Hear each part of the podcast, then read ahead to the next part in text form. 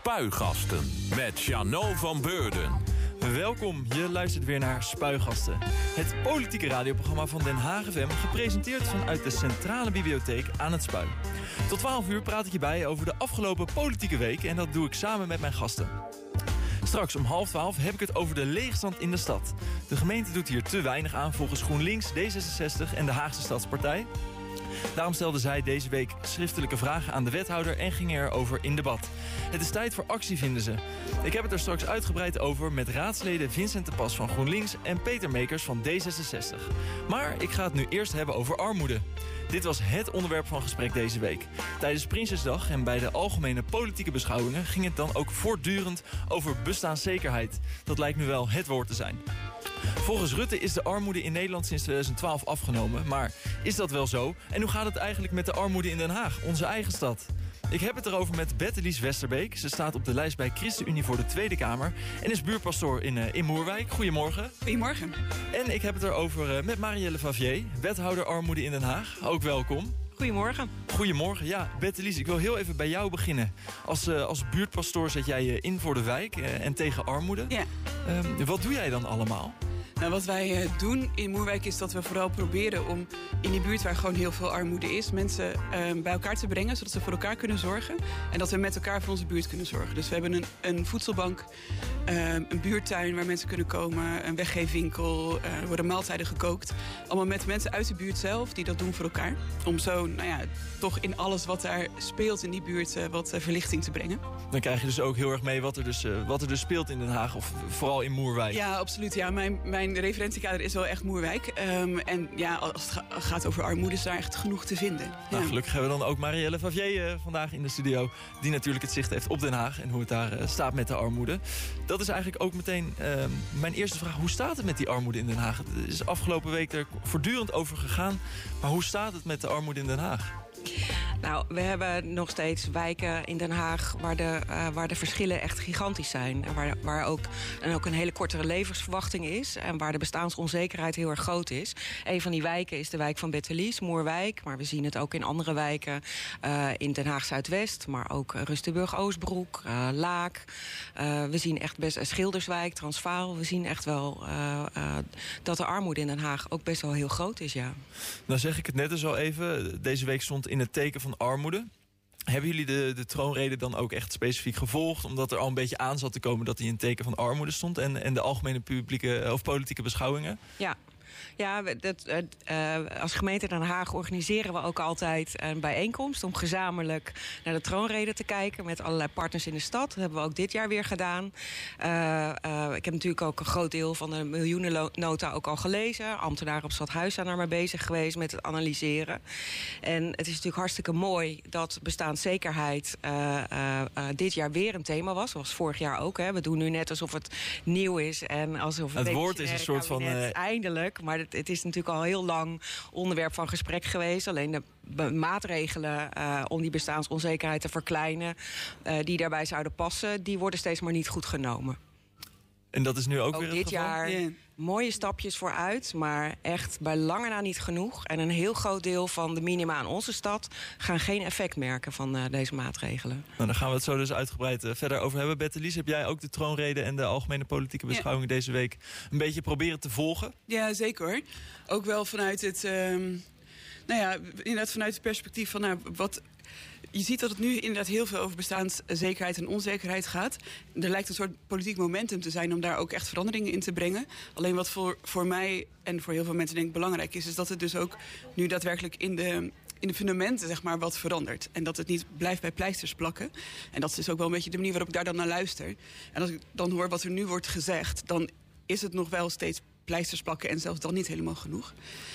En er zijn natuurlijk ook nog wel wat correcties aangebracht door, uh, uh, zeg maar door, door de Kamer in, uh, in die begroting. En dat is denk ik heel goed. Maar het is niet genoeg, nee. Nou viel mij ook heel erg op dat de groep ook groter lijkt te zijn geworden... waar de focus nu op wordt gelegd. het gaat ook veel over de middeninkomens. Ja. Is de blik die wij hebben op armoede dan wel goed? Of moet die ook een soort van bijgesteld worden... als dus ook de middeninkomens extra steun nodig hebben? Nou, dat is denk ik een van de redenen waarom bestaanszekerheid en bestaansonzekerheid nu zo'n groot item is. Is dat juist ook de middeninkomens worden getroffen door de gestegen energieprijzen, de hoge inflatie. Uh, en het feit dat eigenlijk de lonen uh, niet zo heel goed zijn meegestegen in de afgelopen jaren. We hebben dat natuurlijk met name, uh, zie je dat bij het minimumloon. Uh, zei al, de Tweede Kamer heeft er wat correcties op aangebracht op de plannen van het kabinet, van het demissionaire kabinet. En dan zie je ook dat he, er is ook een, een, paar procent uh, verhoging van het minimumloon. De koppeling met de uitkering uh, of uitkeringen is, uh, is daarbij ook in stand gebleven. Maar het bestaansminimum is gewoon echt veel te laag in Nederland. en, en daar zie je dus dat, dat je daardoor, wat Bettelies ook al heel terecht zegt... vooral bezig bent met pleisters plakken. Terwijl eigenlijk de minimumlonen omhoog moeten, de uitkering, de bijstand, AOW... moet allemaal omhoog. Nou zegt Rutte dus eigenlijk van, nou, die armoede is sinds 2012 afgenomen. Ja, ja dat heeft, er is natuurlijk ook een hele discussie over ontstaan. Hè, van hoe meet je nou die armoede? En daar zijn natuurlijk verschillende methodes voor. Uh, gaat het over, wat is volgens mij een verhaal over dat het 60% van het gemiddelde inkomen moet zijn. Of dat het um, genoeg, maar niet toereikend, of wel toereikend, zeg maar, dat soort dingen. Um, en dus het hangt er ook heel van af hoe je precies de armoede meet. En tegelijkertijd um, kan je ook nog wel kijken naar die cijfers. Want stel je voor dat het zo is, hè, dat, dat, dat de mensen die in armoede leven, dat het is afgenomen. Maar als je dan kijkt naar welke groep er nog wel in armoede leeft... en uh, in hoeverre die um, in staat zijn eruit te komen en vooruit te komen... Um, ja, dat lukt eigenlijk heel slecht in Nederland. En dan ja, moet daar natuurlijk sowieso ook wat aan gedaan worden.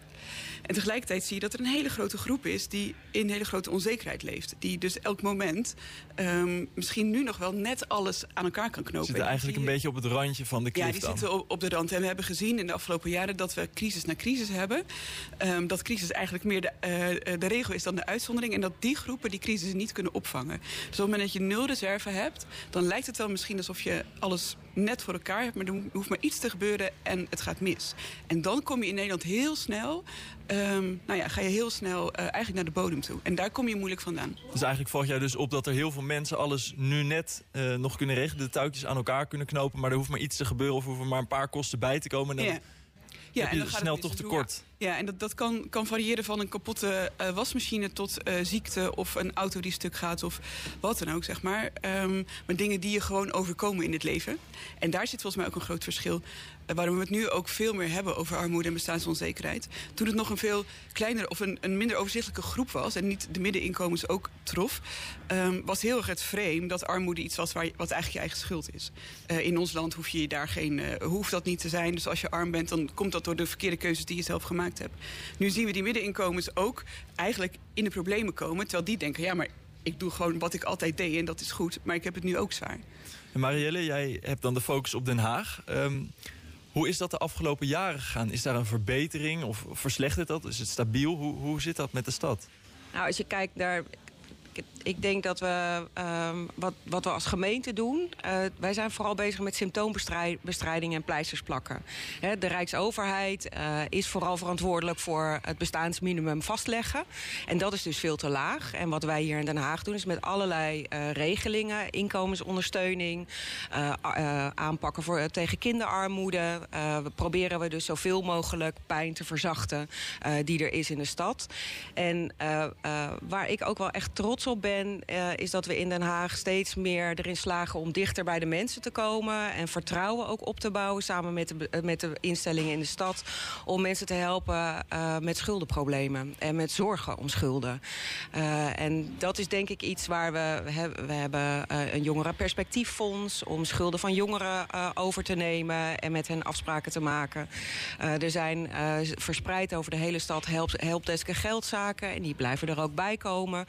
Uh, dus we proberen zo dicht mogelijk bij onze mensen te komen om hen te helpen en ook aan te bieden, uh, hulp aan te bieden. Uh, zeker ook meer gebruik te maken van de regelingen die er zijn.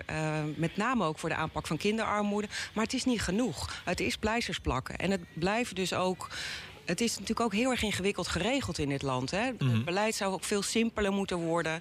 Al die toeslagen, uh, daar moeten we eigenlijk van af... omdat het ook heel veel onzekerheid met zich meebrengt. En nog heel even terug dan naar mijn vraag. Is het dan de afgelopen jaren, hoe heeft dat zich voortgezet? Gaat het beter met de armoede in Den Haag? Of zijn er echt nog grote stappen te zetten? Nou, er zijn nog hele grote stappen te zetten.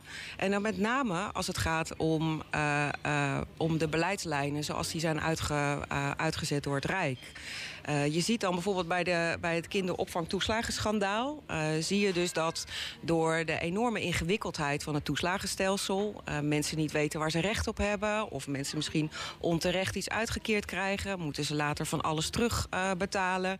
dat is allemaal naar boven gekomen sinds het opvangtoeslagenschandaal. En ja, daar doet dit demissionaire kabinet nu echt nog helemaal niks aan. En als we dan even kijken inderdaad naar de, de maatregelen die deze week zijn aangekondigd... dan staat er tussen dat de huurtoeslag gaat omhoog, uh, het, kind, het kindgebonden budget gaat omhoog... het noodfonds energie is er ook voor dit jaar weer... De arbeidskorting gaat omhoog, zodat werken meer gaat lonen. Ja. Uh, anderhalf miljard extra voor leraren om ze aan te trekken en te behouden. Um, en dus achteraf is ook dat nog bijgesteld dat het minimumloon dus uh, ja. omhoog gaat. Er zijn flink wat maatregelen. Uh, gaan deze maatregelen dan nu ook echt helpen? Gaan ze wat Niet doen? voor iedereen. Nee, ze gaan er denk ik wel voor zorgen dat er... Um, um, dat het dat sommige mensen... Ik denk dat het, ervoor gaat zorgen dat het minder escaleert, zeg maar, in de komende tijd.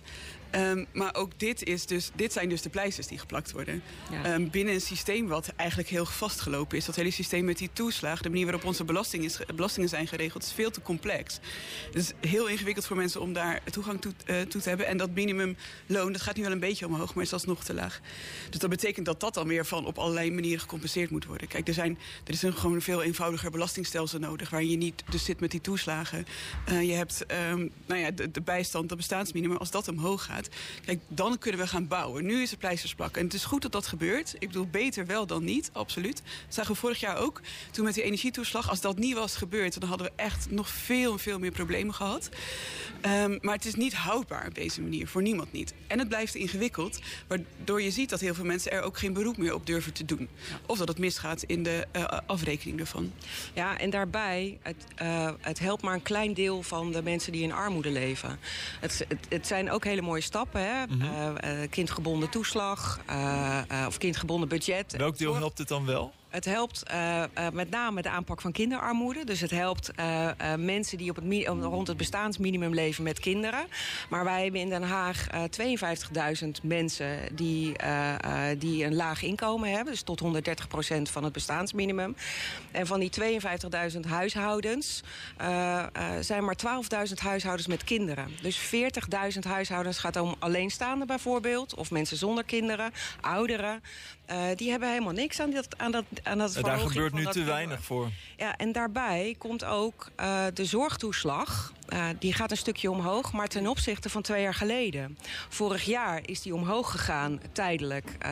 Maar feitelijk, zoals het nu is, gaat komend, komend jaar de, kinder, de, de zorgtoeslag omlaag. Uh, door die tijdelijke maatregel van vorig jaar. Die maatregel die niet wordt voortgezet.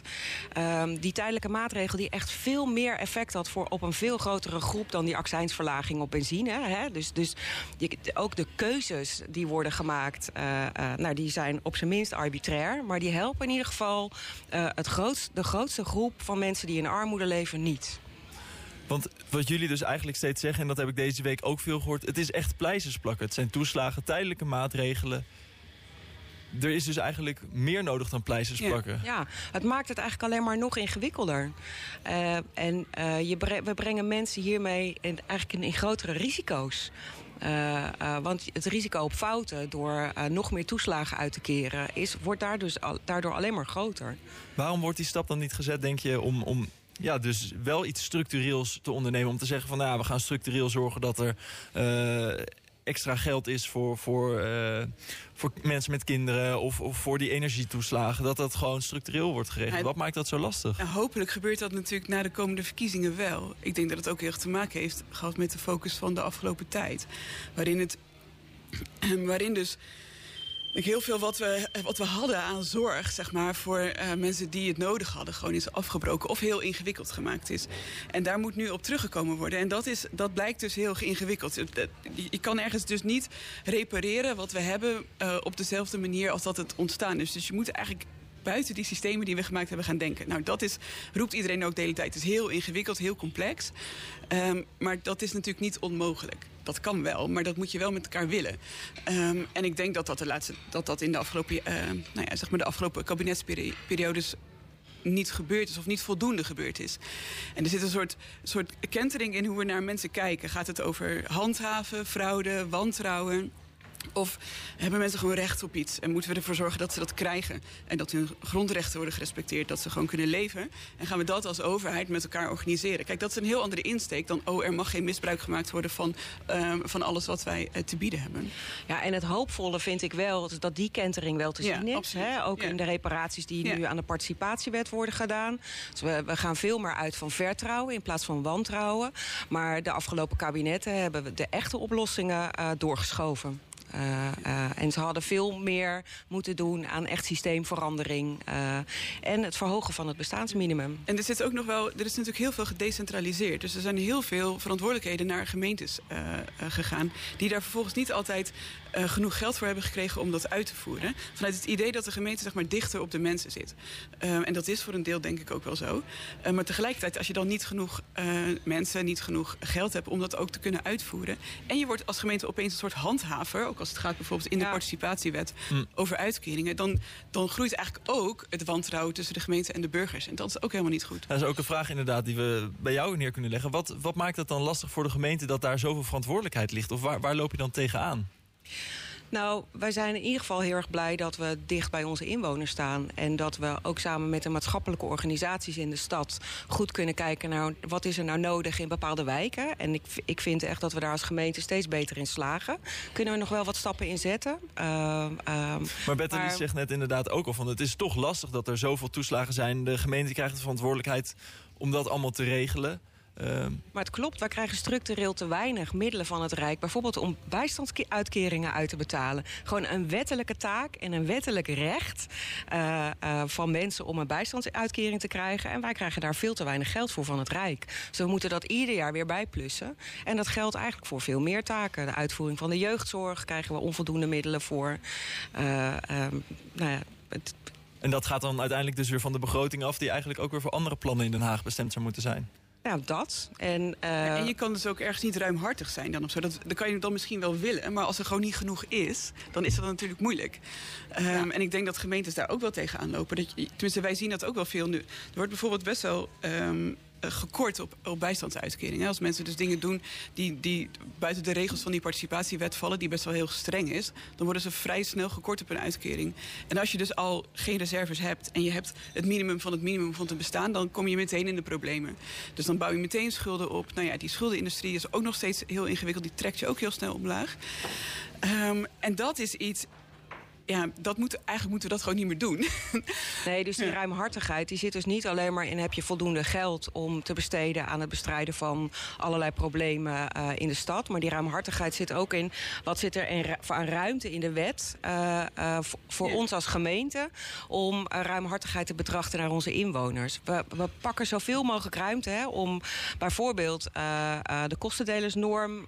zo min mogelijk toe te passen en daar maatwerk toe te passen maar we, we, de, de, de wetgeving knelt daar. Dus we mogen daar ook echt niet uh, zo ver gaan als we graag zouden willen. Ja, want wat zijn dan dingen die jullie graag zouden doen die nu niet gaan? Nou, bijvoorbeeld je hele kostendelersnorm helemaal afschaffen en niet toepassen. Dus dat je niet wordt gekort op je bijstandsuitkering als je zoon nog uh, bij je thuis woont. Uh, dat, dat, zijn echt van die van die no-brainers. Uh, ja, je ziet bijvoorbeeld dat mensen... Je hebt, we hebben natuurlijk ook een hele grote woningnood. En um, in Moerwijk is heel veel sociale woningbouw. Dus, maar er zijn ook wel eens mensen die komen op straat te staan. En er zijn de vrienden in de buurt of familie... die willen die mensen wel een huis nemen. Maar dat kan niet, want die zijn boven de 21. Dus dan word je gekort op je uitkering. En dat, dat kan financieel gewoon niet.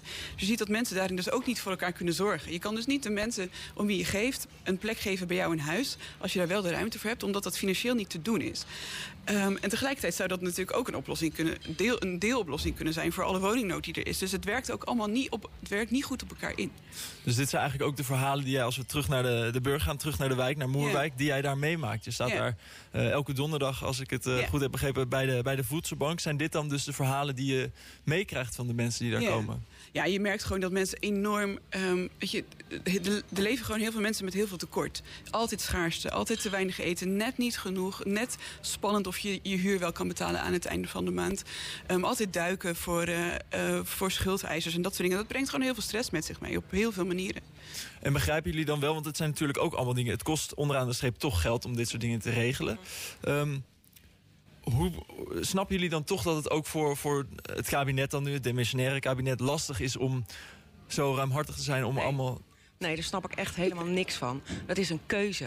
En die stress waar Lies het over heeft... die veroorzaakt ook gezondheidsproblemen. We zien dat de levensverwachting in, die, in juist die wijken... waar de bestaansonzekerheid het allergrootste is... is de levensverwachting het laagst. Moet je eens bedenken hoeveel kosten dat met zich meebrengt. Dus we moeten echt veel meer aan de voorkant goede keuzes maken. Inderdaad uitgaan van waar hebben mensen recht op. Je moet in Nederland ook gewoon normaal kunnen rondkomen... van, uh, van je uitkeringen, van je inkomen. En dat is nu niet het geval. Voorkomen is beter dan genezen. Echt niet, nee. Nou goed, het is een heel interessant onderwerp waar we lang over door kunnen praten. Ik denk dat uh, nu deze plannen allemaal bekend zijn... het ook voor de gemeente weer uh, taak wordt om, uh, om daarmee aan de slag te gaan... om die uit te werken. En ook in de politiek zal het er de komende tijd nog over gaan. Politiek Den Haag dan niet lokaal, maar, maar landelijk... om die plannen nog bij te spijkeren en, en uit te voeren uiteindelijk. Um, nou, misschien dat we het er binnenkort nog een keer over zullen hebben. Maar in ieder geval onwijs bedankt voor jullie komst. Anne, uh, Bettelies, Westerbeek, buurpastoor Moerwijk... en nou, op de lijst bij uh, ChristenUnie in de Tweede Kamer. Onwijs bedankt voor je komst. En uh, Marielle Favier, wethouder uh, armoede, ook onwijs bedankt voor je komst. Dankjewel. Den Haag FM 92.0. Jouw Haagse Stadsradio. 100% Haag. Tot 12 uur spuigasten met Chano van Beurden. Den Haag Bye. Ja, we zijn alweer aanbeland bij de tweede helft van de uitzending. En deze staat volledig in het teken van leegstand. Een belangrijk onderwerp waar de gemeente meer tegen moet doen... als het aan GroenLinks, D66 en de Haagse Stadspartij ligt. Daarom stelden zij schriftelijke vragen aan het college... en behandelde het deze week in de gemeenteraad. Aangeschoven om het erover te hebben zijn raadsleden Vincent de Pas van GroenLinks. Welkom, goedemorgen. Goedemiddag. En uh, nou, ik wilde zeggen aangeschoven, maar dat is niet helemaal het geval. We hebben Peter Mekers van D66 uh, aan de lijn. Ook goedemorgen of goedemiddag bijna, Peter. Hele goedemorgen, jazeker. Dank dat ik erbij kan zijn. Ja, super. Ja, een klein uh, koudje, dus, dus toch maar vanuit huis. Dat is helemaal geen probleem. Fijn dat je er bent. Um, ik zeg het al, jullie hebben schriftelijke vragen ingediend. naar aanleiding van de leegstand in de stad.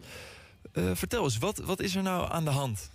Nou, uh, we weten allemaal, er is een grote wooncrisis in Den Haag. Heel veel jongeren die moeten noodgedwongen thuis wonen... omdat ze geen woning kunnen vinden. Veel dakloosheid, lange wachtlijsten voor de sociale huurwoningen.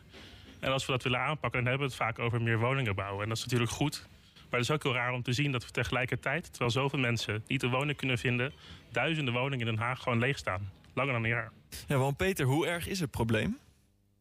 Nou, we hebben gevraagd uh, of de cijfers te vinden zijn. En als je dan kijkt naar een pijldatum van 1 januari 2022... dan stonden er op dat moment meer dan 15.000 woningen leeg. En uh, zelfs uh, meer dan 8200 woningen langer dan een jaar... en 6400 woningen langer dan twee jaar. En dat is eigenlijk wel heel schokkend te noemen tijdens zo'n zo'n wooncrisis. Ja, en woensdag hebben jullie dus het hierover gehad in, in de Raad. Hoe ging dit? Kwam er een beetje uit wat jullie hoopten? Uh, ik denk dat er nog wel wat werk te doen is. Kijk, wat je ziet, uh, iedereen die erkent dat leegstand het probleem is. Het is gewoon heel gek dat uh, eigenlijk vanuit een verdienmodel van, van pandjesbaas, van huisjesmelkers, huizen leeg blijven te staan in zo'n grote wooncrisis. Daarom probeert de gemeente daar al jaren wat aan te doen. Maar wat wij zien, en dat hebben we geprobeerd aan te kaarten, is dat het niet helpt om alleen maar in gesprek te gaan met die pandeigenaren. We moeten ook met strenge regels gaan komen. We moeten ook gaan handhaven. En dat is iets wat we nog missen in Den Haag. We hebben eigenlijk geen regels die zeggen... hey, die, die langdurige leegstand, het feit dat je in een wooncrisis... niet jouw huis beschikbaar stelt aan mensen om in te wonen... Uh, dat staan we niet toe. Dat is in onze stad gewoon toegestaan. Ja, want wat zijn dan die maatregelen waar jullie voor pleiten? Ja, dus het is natuurlijk een pakket uiteindelijk. Hè. We moeten natuurlijk dat gesprek aangaan. We moeten ook gaan kijken of we gewoon huizen kunnen gaan opkopen. Maar wat ons betreft komt er een leegstandsverordening. En dat is eigenlijk een duur woord voor uh, dat je regels gaat maken over leegstand. En dat hebben ze bijvoorbeeld al in Utrecht en Amsterdam dat betekent ook dat als een, een uh, eigenaar van een pand uh, een huis gewoon langer leeg laat staan, eigenlijk zonder goede reden, dat je dan ook boetes kan uit gaan delen, dat je kan gaan handhaven. Omdat het gewoon een heel groot probleem is.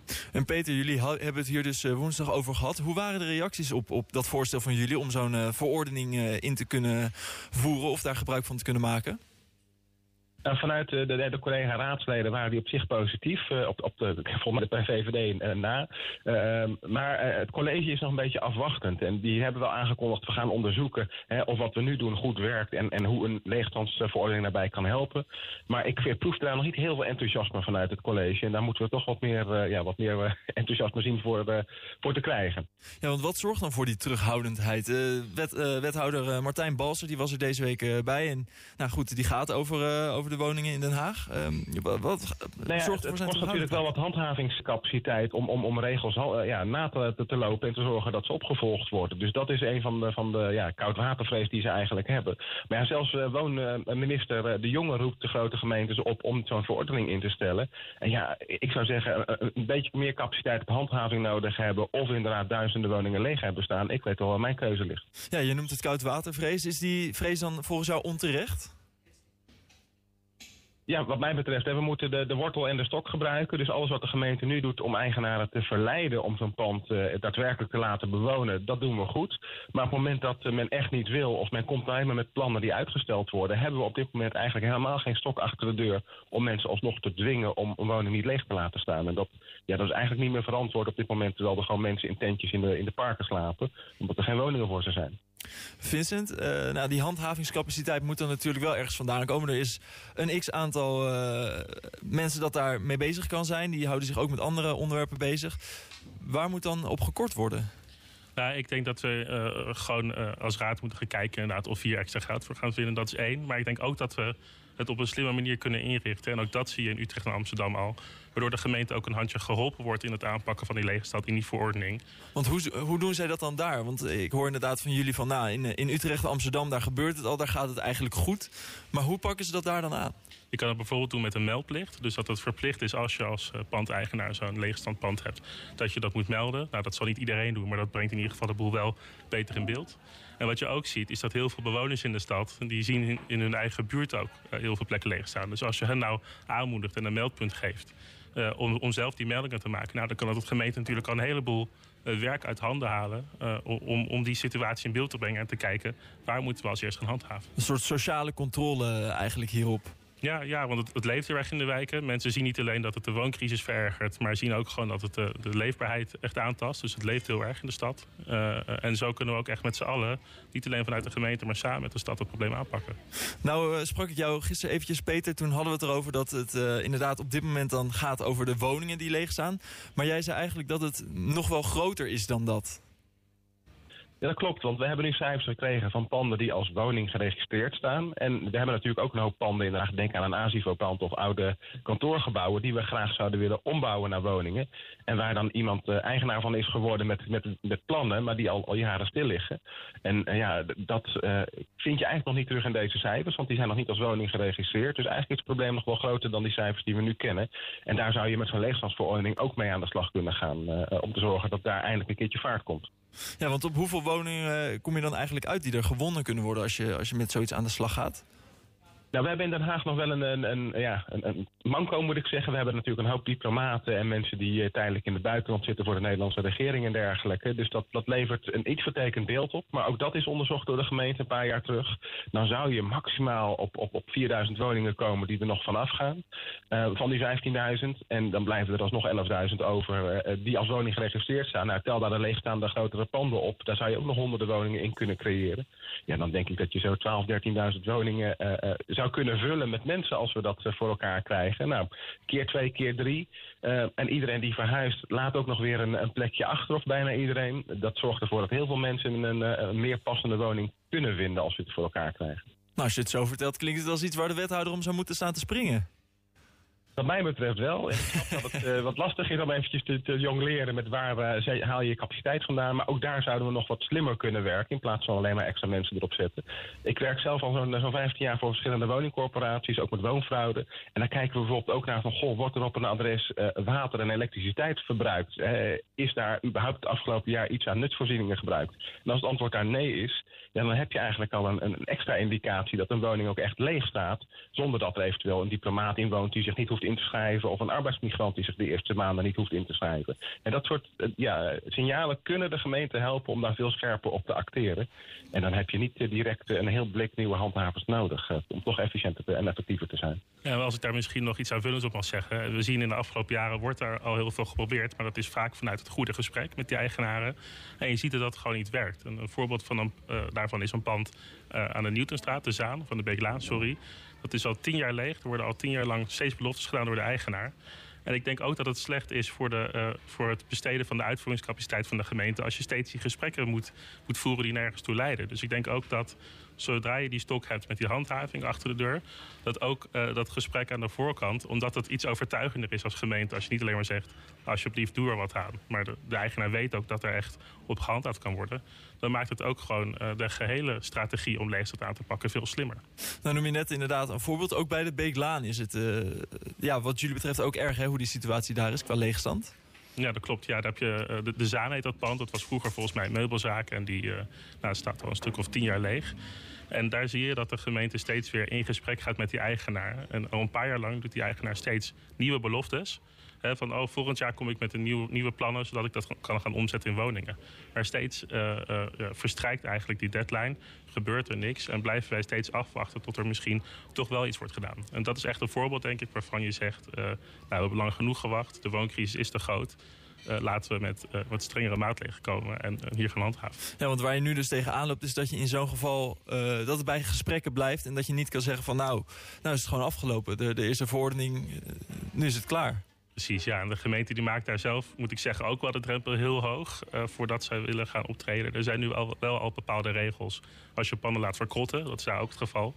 Maar er wordt eigenlijk gezegd, als er een beetje uitzicht is op, op een betere situatie, dan, kunnen wij niet handhaven. Nou, dat, dat klopt niet. Het, kan niet zo zijn dat er steeds met een loze belofte eigenlijk uh, het optreden van de gemeente wordt uitgesteld. Dus uh, ik denk ook gewoon dat de gemeente daar ook wel iets strenger richting die eigenaren kan gaan optreden. Nou wil je natuurlijk ook niet zomaar uh, woningeigenaren eigenlijk hun, hun eigendom afnemen. Begrijp je dan niet dat er toch heel streng naar gekeken moet worden, ook naar zoiets juist? Uh, als je het hebt over eigendom uh, afnemen, dat moet trouwens wat mij betreft ook niet uitgesloten worden. Maar dat is echt een heel uit, uh, uiterste stap. Dan heb je het echt over onteigening.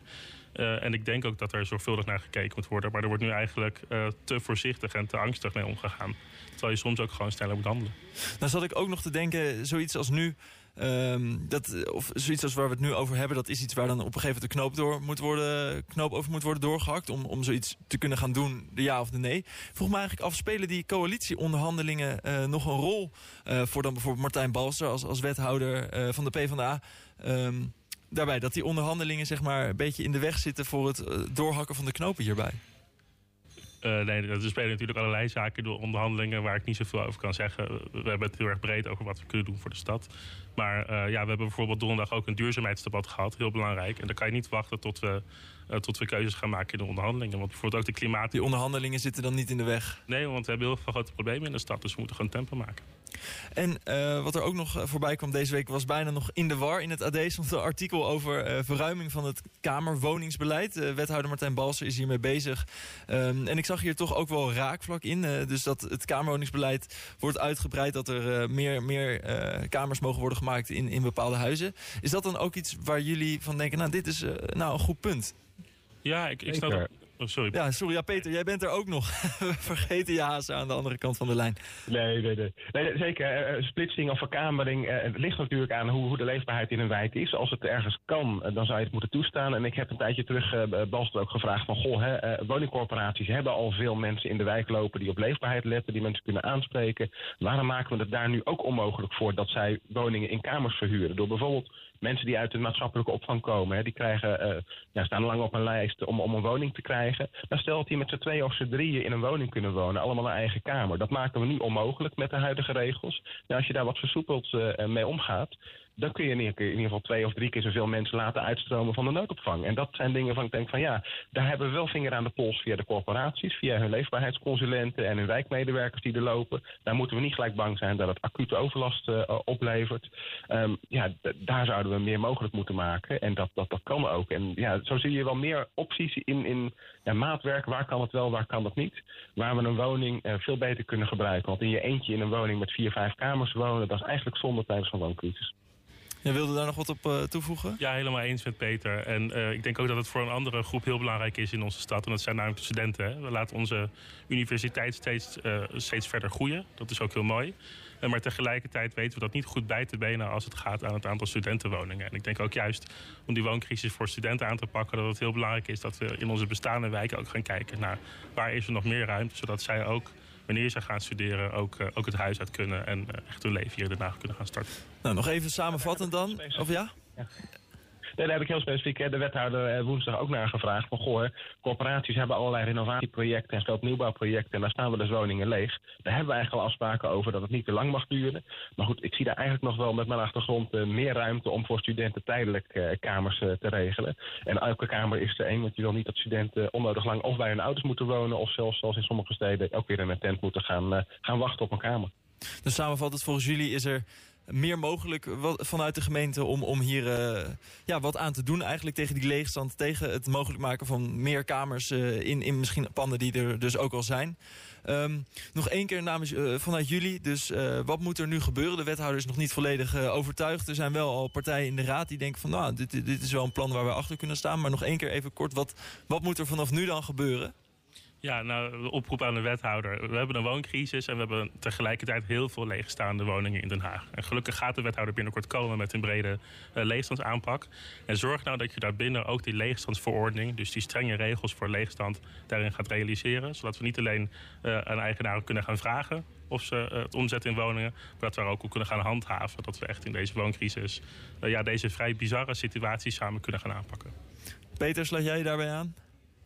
Ja, leegstand tijdens een wooncrisis is, is eigenlijk schandalig. En daar moeten we alles aan doen, inclusief de Haagse Pandbrigade, meer middelen geven om echt te handhaven. Desnoods met boetes, desnoods met dwang. Maar uh, het liefst heb ik dat, uh, dat pandeigenaren gewoon de woningen vullen. En daar roep ik zo toe op. Maar als dat niet lukt, moeten we wel een stok achter de deur hebben. Peter Mekers, raadslid bij D66 en Vincent de Pas, raadslid bij GroenLinks. Onwijs bedankt voor jullie komst en uh, verhaal over de leegstand in Den Haag. ik wil jullie vragen om nog even te blijven, blijven hangen. We gaan zo natuurlijk nog naar de column van Marcel Verrek. Maar in ieder geval dus alvast onwijs bedankt. Elke zaterdag straatverhalen in Straatwijs. Hoe lang woon je hier al? Wat is dit voor een buurt? Ben je nou een Hagenaar of een Hagenees? Bijzondere verhalen over onze stad. Ja, het is heel ernstig. Ik ben in Delft geboren. Ja, dan ben ik toch Hagenees. Ik ben uh, geboren zelf in de kraamkliniek op de Dullarijweg. Een Hagenees is volgens mij iemand die hier is geboren en Den Haag is trouw gebleven en hier is blijven wonen. Elke zaterdag Marcel Verrek en Theo Bollerman met Straatwijs. Van 12 tot half 1 op Den Haag FM. Ja, Marcel, je bent weer uh, terug bij mij in de studio. Wat fijn. Ja, nou, graag ja. gedaan. Ja, ja Straatwijs straks weer. in de studio dan buiten. Het is beter dan, uh, dan buiten, inderdaad. Ja, ja. Dat, uh, dat zeg je helemaal goed. Hey, straks weer Straatwijs. waar ben je straks? Ik ben straks vlakbij het Holland Spoor in de Zuiligumstraat. Vlakbij ben je het daar wel eens geweest? Nou, bij het Holland Spoor ben ik wel eens geweest. Dat is vrij handig om de trein te pakken. Het heet de Eclipse. Ja? Of, en, uh, of de Ellipse. Ellipse heet het. Eclipse. uh, en daar woont uh, Jeannette Ramessar. Zij is oh, ja. tegenwoordig van de SP. Ja. En ook heel bekend geworden omdat zij ook slachtoffer is geworden van de toeslagenaffaire. En die vertelt over haar buurt en over haar visie op de politiek in Den Haag. En ja, het is natuurlijk een hele interessante buurt daar rondom het Hollandspoor. Dat is voortdurend. Het is een prachtig station ook. En, ja, veel studenten komen er ook wonen, maar er woont... Ja, de hele wereld woont er, hè? Dat is het leuke. De hele wereld woont er. Nou, Marcel, en naast dat jij straks weer straatwijs hebt uh, vanaf 12 uur... Ja. heb jij volgens mij ook weer een prachtige column bij, uh, me, bij, met je meegenomen. Ja. Dus laten we hem traditioneel afsluiten. Nou, ik doe even als een soort van hommage... en ook tegelijkertijd als een soort van troost... doe ik even mijn leesbril op. Uh, hommage aan onze Normaal gesproken is dat niet nodig, maar voor deze keer zal ik dat even doen. Stadgenoten... Je gaat meteen ook als de koning praten, hè?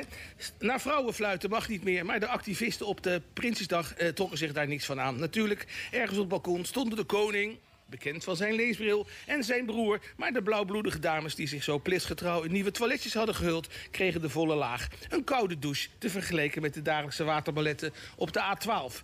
De scheidsrechtersfluitjes snerpten boven de adhesiebetuigingen uit. Het leek ook wel of er minder oranje klanten op de been waren. Zou je kunnen zeggen, niet op de been, dan toch vanwege leeftijd en conditie op de tribune. Maar die oogde even desolaat als een filiaal van BCC. Natuurlijk, er stond wind. Wellicht dat er wat fragiele vorstenhuisaanbidders van de banken waren weggewaaid. Maar het enthousiasme der monarchisten kon het protest toch niet overstemmen. Het deed mij denken aan mijn ervaringen, Jeannot, op de Dam... tijdens de turbulente kroning van Beatrix in 1980... 100 jaar voor jouw geboorte. Er waren enige bussen met oranje supporters vanuit de provincie naar het Republikeinse Amsterdam aangevoerd. Die stonden vooraan met vlaggetjes te wapperen, maar daarachter hing een lacherige stemming. Zeker toen er ook nog een rookbom ter, tot ontploffing werd gebracht. Die verwees uiteraard naar de rookbom bij het huwelijk van Beatrix 14 jaar eerder. Een ludiek protest dat later die dag zou omslaan met harde gevechten tussen krakers en demonstranten enerzijds en de ME. Ik heb ook nog hard moeten lopen. Het is tot nu toe mijn enige pseudo-oorlogservaring. Toen was er al snel geen sprake meer van één rookbommetje. Over het Amsterdamse binnenstad hing zo'n dikke wolk van traangas en wiet... dat de fijnstofproducenten van Tata Steel er nog een punt aan zouden kunnen zuigen. Maar voor het zover was, probeerde de arme koningin moeder Juliana de menigte te overstemmen. Zojuist, riep ze wanhopig, zojuist heb ik afstand gedaan van de regering. Je zou willen dat WA dat ook definitief zou doen... om Amalia een rot leven te besparen. Het kon de meeste mensen op de Dam toen niet bommen. Daar dacht ik aan. Toen ik de koninklijke familie dinsdag zag grillen op het balkon van Paleis Noordeinde. Dat was een jaar of twintig geleden nog wel anders. Toen beschreef ik een Prinsjesdag als volgt. Ik was vandaag in Den Haag en zou met Nico gaan wandelen. Hij is een van mijn oudste vrienden. Enkele malen per jaar maken we ergens in het land een grote wandeling om alles even door te nemen. Hij woont oostelijk van de IJssel en in die schitterende contraien tippelen we regelmatig. Ditmaal kwam hij hierheen met de trein. Via poten, lange en korte en plein baande ik mij een weg door de oranje supporters naar het centraal station. Het leek Lourdes wel. Het kromme volk uit de provincie kwam gehuld in hoofdpijn oranje opgewonden... zijn liefde voor het Koningshuis demonstreren. Je hoorde de meest dolle tong vallen... en regelmatig moest er een driest invalide karretje met oranje wimpel worden ontweken. Op het station wilde ik gebruik maken van het openbare toilet. Constipatie alom. Huppelende landgenoten verdrongen zich bij het sanitair. Bij het korte verhoud zagen we een flikkering van Pieter van Vee en zijn vrouw blijmoedig zwaaiend in hun glazen koets. Een benauwd voertuig waar de koene, ongevallen expert zelf al decennia lang de nooduitgang niet van heeft kunnen vinden. Na enig hippies uniformgeweld kwam dan de beloofde glimp van koets, blonde haren en hoed. Wij dachten als tamelijk lange mannen een goed uitzicht te hebben... maar op het moment suprême werden er kinderen en kleine bejaarden in de lucht geworpen. De rest van het blikveld werd verduisterd door duizenden armen... met flitsende camera's en mobieltjes. Daarna was het voorbij. De meute dromde stadswaarts en wij begonnen aan onze wandeling... door zonnig Den Haag en Scheveningen. Onderweg troffen wij geregeld verwarde dagjes mensen aan. Wij hebben ze allemaal zeer behulpzaam de weg naar het station gewezen. Tja, Jano, dat waren nog eens tijden. Maar goed, verwarde mensen zijn er heden ten dagen nog steeds plenty in Den Haag. Maar over de gemeentepolitiek hebben we het de volgende keer wel. Hou je Haag, geniet van het goede en tot snel. Dankjewel Marcel. Ik hang weer aan je, aan je lippen. Nou, goed zo. Ja, en nu Ja, het over... Geschiedenisles voor jou. Een geschiedenisles, ja, dat 1980 heb ik niet meegemaakt. meegemaakt. Zoveel meegemaakt. Ik wilde nog even eh, een klein puntje benoemen. Dat vond ik toch wel eh, mooi om te doen. Je had het over Prinsdag. Toen moest ik nog even denken aan Martijn Beekman. Die heeft deze week toch een prachtige foto gemaakt. Ik weet niet of je hem hebt gezien, Marcel. Nee, ik niet. Ja. Nou, het is voor iedereen de moeite waard om die nog even op te zoeken. Staat eh, wel op Facebook, Twitter, kan je hem vast vinden. Die heeft een foto gemaakt van, van onze burgervader Jan van Zanen, de burgemeester. Door de glazen koets heen, zwaaiend naar het koningspaar. Nou, het is een, een hele mooie In foto. een laatste poging de monarchie te steunen. In een laat, dat zijn jouw woorden, Marcel. In een laatste poging eh, de monarchie te steunen. Goed, Ik heb mijn best gedaan met mijn leesbril. Dus jij hebt je best gedaan. Nou, de column kwam er vloeiend uit. dankjewel. Dankjewel, Vincent de Pas. Ook nog dankjewel. Eh, Peter, als je nog aan de lijn hangt, dankjewel voor, eh, voor jullie gesprek. En volgende week zijn we er weer met Spuigas. De presentatie dan weer van Ron Vrezen, terug van vakantie. Dus tot dan. Altijd weten wat er speelt in je eigen stad. Luister Den Haag FM.